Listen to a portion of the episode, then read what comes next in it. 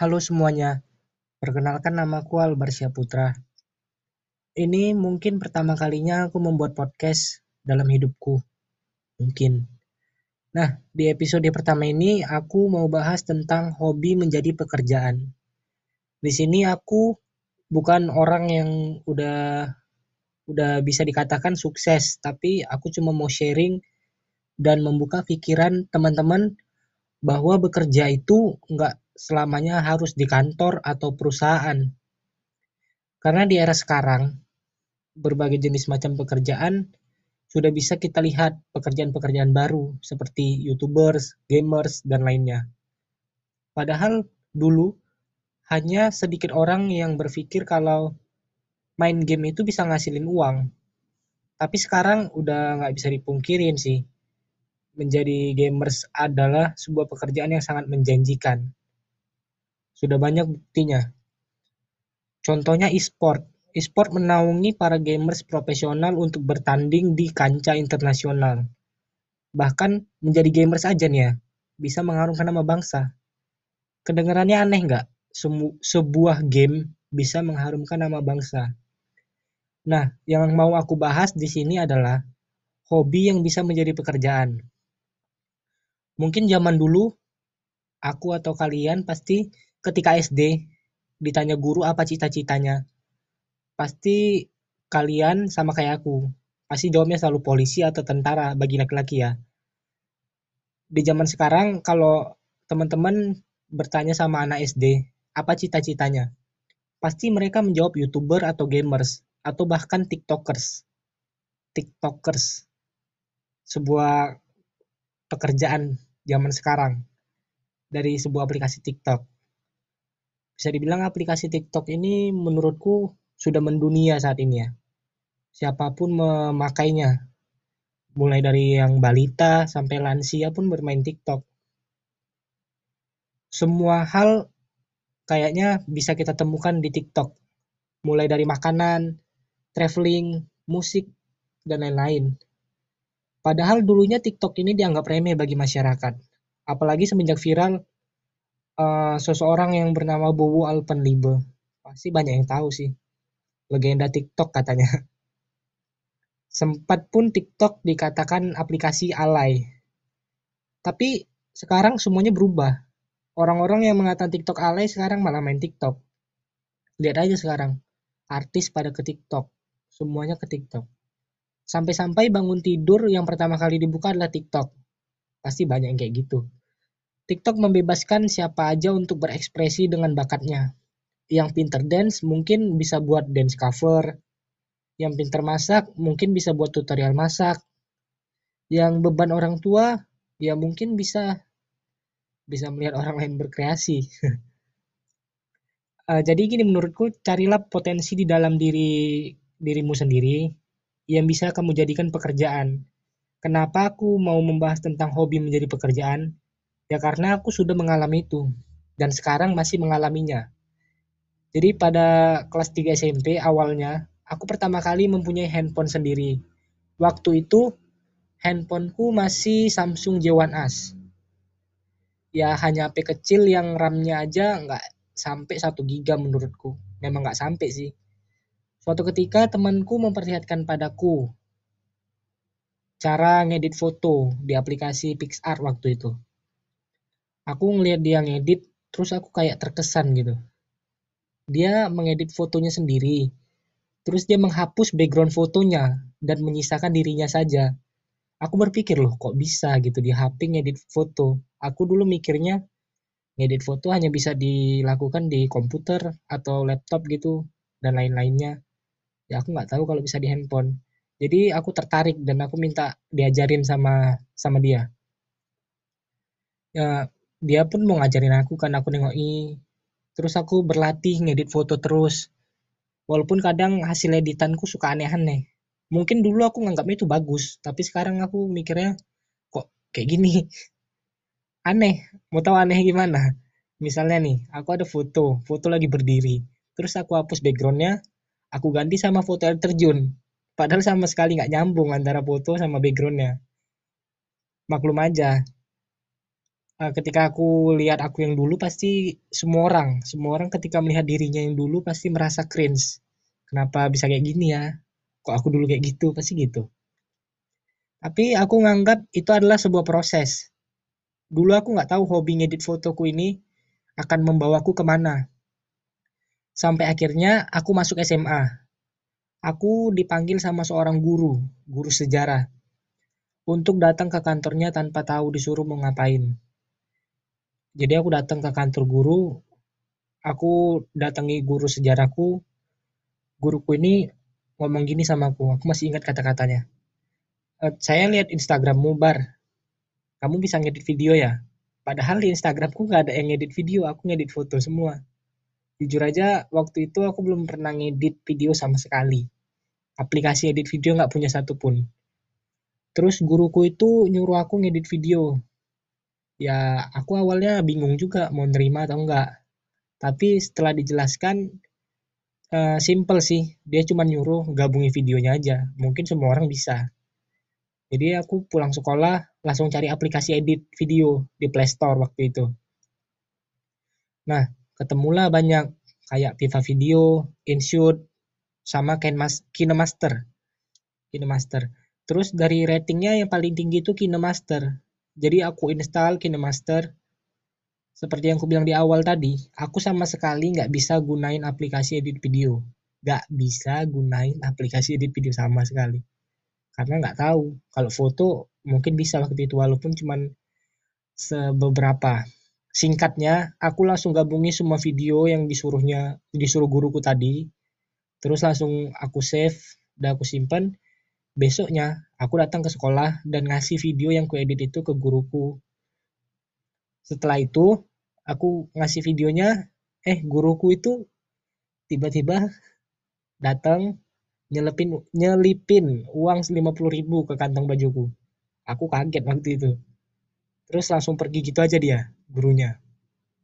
Jadi aku pulang sekolah dengan uang lima puluh ribu di kantongku. Terus pikiranku tuh waktu itu bingung lo kok bisa gitu? Ngedit video dapat uang. Aku nggak tahu itu keberuntungan atau emang peluang untuk pekerjaan. Padahal waktu itu ya dari dulu sebelum aku lahir mungkin memang sudah ada videografer. Tapi akunya aja yang nggak tahu sama sekali dengan dunia videografi seperti itu. Singkatnya, semenjak saat itu, setiap ada tugas video di sekolah, semua teman kelasku, nggak teman kelas aja bahkan yang beda kelas juga minta dibuatin video sama aku, dieditin gitu. Tapi karena aku mikirnya ini peluang untuk usaha, ya aku uh, inilah aku patokin harga, jadi nggak gratis, enak aja gratis kan. Capek-capek habis paket gratis. Ses jadi harganya ini aku patoki sesuai dengan kesulitan videonya. Dari ngedit video ini aku bisa nambah uang jajan waktu itu nambah uang jajan sekolahku bayangin aja satu tugas satu tugas video aku bisa dapat 60 ribu satu kelompoknya ada misalnya lima kelompok ya hitung aja berapa misal ya kan nah memang bukan videografer ini memang bukan sebuah pekerjaan tetap, tapi bagiku pekerjaan ini sangat menjanjikan. Kenapa menjanjikan ya? Ayo kita bahas penghasilannya. Penghasilan videografer satu job aja itu kadang bisa dipatokkan harga satu juta. Ini harga untuk video 1 sampai 3 menit. 1 sampai 3 menit ya.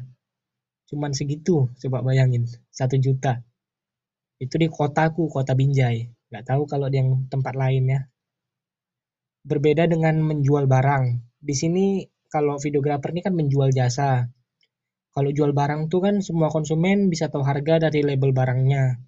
Kalau misalnya kamu ke supermarket mau beli susu pasti ada harganya berapa. Tapi kalau menjual jasa, harga itu kita yang menentukan sendiri. Kita pembuat harganya. Tergantung dengan permintaan sama konsumen konsumennya mau video kayak gimana nah, di situ baru kita bisa nentuin harga nah aku punya cara sendiri untuk nentuin harga ya jadi caranya itu biaya transportasi ditambah biaya internet kuota internet ditambah biaya kreatif. Misal contoh ya. Aku punya satu job terus kliennya minta dibuatin klien gaya bukan klien misalnya orangnya minta dibuatin video promosi barangnya itu di taman dia minta promosi dia jual dia penjual barang kan misalnya barang kosmetik. Dia minta promosikan tapi buat videonya itu harus di taman biar lebih bagus. Nah jarak dari rumahku ke taman itu misalnya 3 km berarti misalnya aku harus ngisi 1 liter bensin. Nah 1 liter bensin itu kira-kira harganya 12.000 kemudian biaya kuota internet. Nah setelah aku rekam biasanya harus diedit dulu kan video biar bagus. Ngedit video itu harus cari bahan cari referensi dari YouTube jadi makan banyak paket juga kuota internet. Semakin panjang durasi videonya semakin banyak juga bahan video yang ku cari katakanlah aku habis 10 GB untuk ngedit video aja. Harga kuota internet 10 GB itu misalnya misalnya aku kurang tahu juga eh, empat puluh ribu. Yang terakhir biaya kreatif. Nah ini adalah biaya yang paling mahal menurutku di sini di sini jasa kita benar-benar dibayar karena di apa biaya kreatif ini mencakup cara pengambilan video, cara editingnya, pemilihan musik dan lain-lain. Jadi kreativitas kita semua itu dibayarnya di sini di biaya ini. Sebut aja biaya kreatif 500 ribu. Bayangi coba biaya kreatif 500 ribu. Jadi semakin kita kreatif, video semakin bagus, ya kita semakin bisa semakin tinggi nentuin harganya. Hmm, 500 ribu. Misal ini misal ya 500 ribu. Bayangin misalnya satu juta juga nggak tahu kan karena videografer nih pekerjaan yang mahal ini gajinya apalagi gajinya nggak per bulan satu job gajian enak itu walaupun videografer nggak setiap hari dapat job tapi ada yang sering juga setiap hari. Itu yang kalau udah profesional udah terkenal udah banyak langganannya mungkin. Tapi bayangin aja satu job aja bisa untuk makan sama jajan selama satu minggu. 500 ribu satu minggu cukup lah ya kan. Nah, di sini poin yang kumaksud carilah hobi yang menurut kalian peluangnya itu besar untuk dapatin uang. Kalau ditanya kenapa aku milih jadi videografer, ya karena ini pekerjaan yang nggak bisa dimakan zaman. Videografer ini bisa membuka peluang untuk bekerja di dunia perfilman, mungkin. Karena kebetulan aku juga suka film ya. Aku suka film karena suka editingnya aja. Editingnya jalan cerita filmnya alurnya. Semua dari film aku suka sih. Jadi kalau nonton film itu aku selalu selalu suka memperhatiin editingnya kayak color gradingnya. Ini apa pakai green screen atau enggak gitu. Beda sama orang yang yang nggak tahu editing gitu. Pasti ya hanya menikmati film. Nggak berpikir ini kayak mana ini kayak mana enggak mungkin ya. Nggak harus jadi videografer aja sih. Itu hanya sebuah contoh dari aku. Karena aku kan itu udah pernah mengalaminya gitu. Sekarang masih juga. Daripada uh, kalian terus berharap ini diterima kerja di perusahaan atau kantor. Udah buat banyak lamaran tapi ditolak semua. Kan sakit hati capek juga habisin uang tak keterima. Sekarang kan udah dunia uh, udah dunia digital.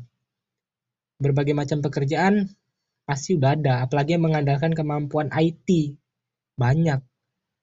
Atau menjadi penulis, bisa dikatakan penulis mungkin. Penulis ini uh, kalau bisa dibilang hobi yang dari dulu udah ada ya. Dari dulu udah ada penulis. Buku-buku itu kan ditulis sama penulis, ya iya.